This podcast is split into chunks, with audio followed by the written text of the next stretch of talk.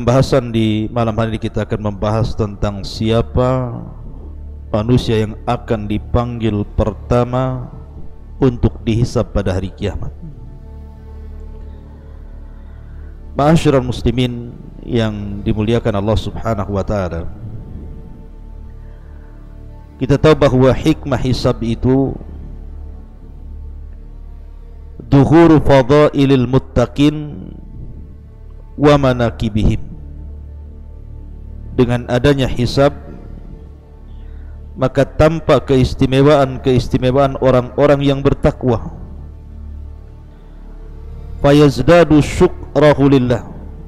Maka mereka semakin bertambah rasa syukurnya kepada Allah Subhanahu wa taala. Karena selama mereka beramal di dunia ternyata tidak sia-sia.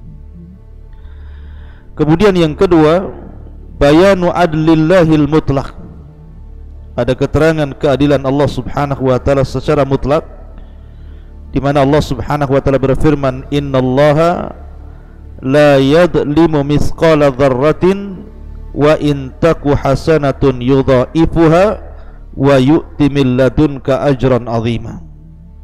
Sesungguhnya Allah Subhanahu wa taala tidak akan menzalimi walaupun sebiji darah. Jika engkau mendapatkan atau memperoleh kebaikan maka akan dilipat gandakan dan akan diberikan kepadanya pahala yang sangat besar. Artinya dengan adanya hisab Allah ingin menunjukkan keadilannya. Masyurah muslimin yang dimuliakan Allah Azza wa Jal Kita tahu bahawa manusia Dalam masalah hisab ini terbagi menjadi Tiga kelompok. Sinfani la yus'alani anil amal Ada dua kelompok tidak akan bertanya Atau tidak akan ditanya soal amalan. Mereka adalah al-anbiya Para nabi. Para nabi tidak akan ditanya soal amalannya. Kemudian yang kedua Wal musyrikun. Orang-orang musyrik. Karena para nabi Langsung masuk surga tanpa hisab dan orang-orang musyrik langsung masuk neraka tanpa hisab. Kemudian kelompok yang ketiga adalah kelompok yang ditanya soal amalannya dan mereka orang-orang yang beriman dan juga orang-orang fasik. Makanya Allah Subhanahu wa taala mengatakan wala yus'alu an dhunubihimul mujrimun dan tidaklah ditanya tentang dosa-dosa mereka orang-orang yang berbuat kejahatan. Fa yauma idzin la yus'alu an dzambihi insun wala jan. Pada hari itu tidak akan ditanya soal dosa manusia dan jin. Tapi dalam ayat yang lain, fala nas'alanna alladziina ursila ilaihim wala nas'alanna al-mursalin. Sungguh kami akan bertanya kepada orang-orang yang diutus kepada mereka dan sungguh kami akan bertanya kepada para utusan Masyurul muslimin yang dimuliakan Allah Azza wa Jal Pembahasan kita Lalu siapa Orang yang pertama kali dipanggil untuk dihisap? Masyurul muslimin yang dimuliakan Allah Subhanahu wa ta'ala Apabila umat Nabi Sallallahu Alaihi Wasallam Sudah dikumpulkan di padang mahsyar mulai daripada orang yang pertama hidup sampai orang yang terakhir mati mulai sejak zaman Nabi Adam alaihi salatu wasalam sampai orang yang hidup ketika kiamat dibangkitkan mereka dikumpulkan di padang mahsyar. Maka umat Nabi sallallahu alaihi wasallam adalah orang yang pertama dipanggil untuk dihisap. Jadi walaupun umat Islam adalah umat yang terakhir datang tetapi umat Islam adalah umat yang pertama kali dipanggil untuk dihisab dan dari umat Islam ini ada seorang laki-laki dari kabilah Quraisy dari Bani Mahzum yang namanya Abdullah ibnul Abdil Asad. Saya ulangi ada seorang anak muda dari Quraisy dari Bani Mahzum namanya Abdullah ibn Abdul Asad di mana dia memiliki saudara namanya Al Aswad ibnu Abdul Asad Jadi sini ada dua nama. Pertama Abdullah ibn Abdul Asad, yang kedua Al Aswad ibn Abdul Asad. Dua manusia ini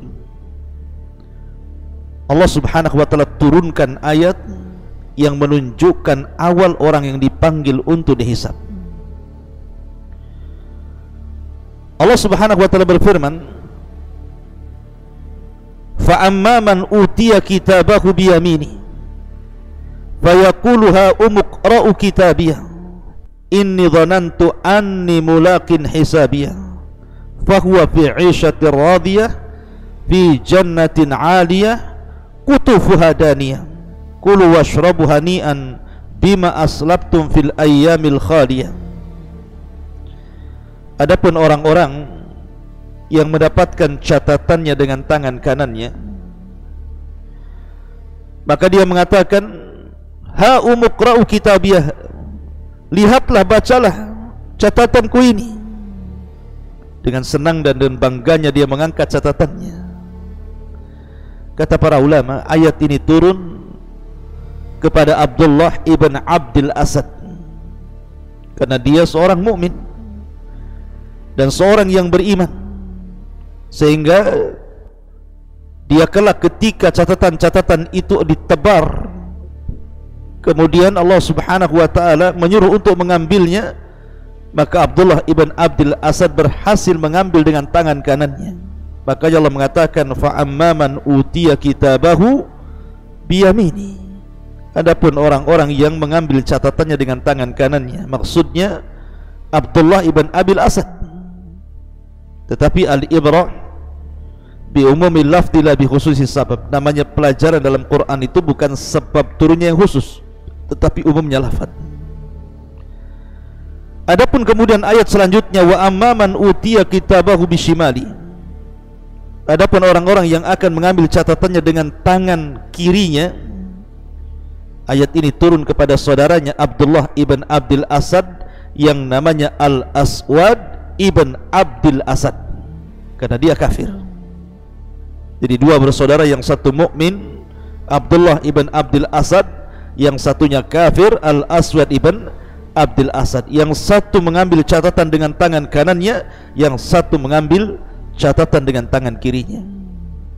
Dan kata para ulama orang yang pertama kali dipanggil untuk dihisab adalah dua manusia ini. Adapun hisab yang baik kepada Abdullah ibn Abdul Asad adapun hisab yang buruk kepada Al-Aswad ibn Abdul Asad. Ma'asyiral muslimin yang dimuliakan Allah Subhanahu wa taala. Kemudian riwayat yang lain tentang orang yang pertama kali dipanggil pada hari kiamat untuk dihisab adalah sebuah hadis.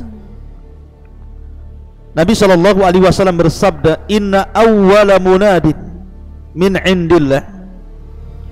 Sesungguhnya orang yang pertama kali memanggil di sisi Allah Subhanahu wa taala yaqul akan berkata ainal ladzina ajrakum 'ala Allah.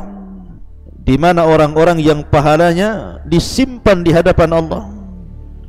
Fayakum man afa fid dunya adapun orang-orang yang suka memaafkan di dunia tiba-tiba berdiri. Fayaqulullah. Dan Allah Subhanahu wa taala pun kemudian berfirman antumul ladzina afautum li bawwa'tukumul jannah. Kalian yang sudah banyak memaafkan manusia karenaku maka kalian berhak untuk masuk ke dalam sorga. Dalam riwayat sawabukumul jannah pahala kalian adalah sorga dan dalam riwayat idza kana yaumul qiyamah sarakha sarikhun apabila datang pada hari kiamat akan datang orang yang berteriak dan berteriak ala man kana lahu ala allahi haqqun falyakum siapa yang memiliki hak kepada Allah Subhanahu wa taala berdiri fayaqumu man afa wa aslah. Tiba-tiba orang yang suka memaafkan di dunia dan suka memperbaiki kebaikan manusia maka mereka pun berdiri maka Allah mengatakan thawabukumul jannah. Pahala kalian adalah surga maka dalam hadis ini orang yang pertama kali dihisab dipanggil untuk dihisab adalah orang yang suka memaafkan manusia. Mudah untuk memaafkan manusia. Tidak pernah menaruh dendam pada hatinya. Tidak pernah menaruh hasad pada hatinya. Walaupun seandainya manusia yang salah kepadanya dia tetap memaafkannya. Dan itu akhlak yang luar biasa makanya di sorga itu ada satu pintu namanya bab kadiminal ghaid. Bab pintu khusus bagi orang-orang yang menahan hawa nafsunya dan tidak suka marah. Makanya Nabi SAW ketika ada seorang sahabat minta dinasihati maka Rasul mengatakan la taghdab la taghdab la taghdab faraddada miraran la taghdab. Jangan marah jangan marah jangan marah. Dan Rasul mengulang-ulang kalimat jangan marah Masyarakat muslimin yang dimuliakan Allah Azza wa Jal inilah di antara manusia yang pertama kali akan dipanggil untuk dihisab pada hari kiamat. Mudah-mudahan ada manfaatnya. Subhanakallah bihamdika asyhadu an la ilaha illa anta astaghfiruka wa atubu ilaik. Allahu taala alam. Assalamualaikum warahmatullahi wabarakatuh.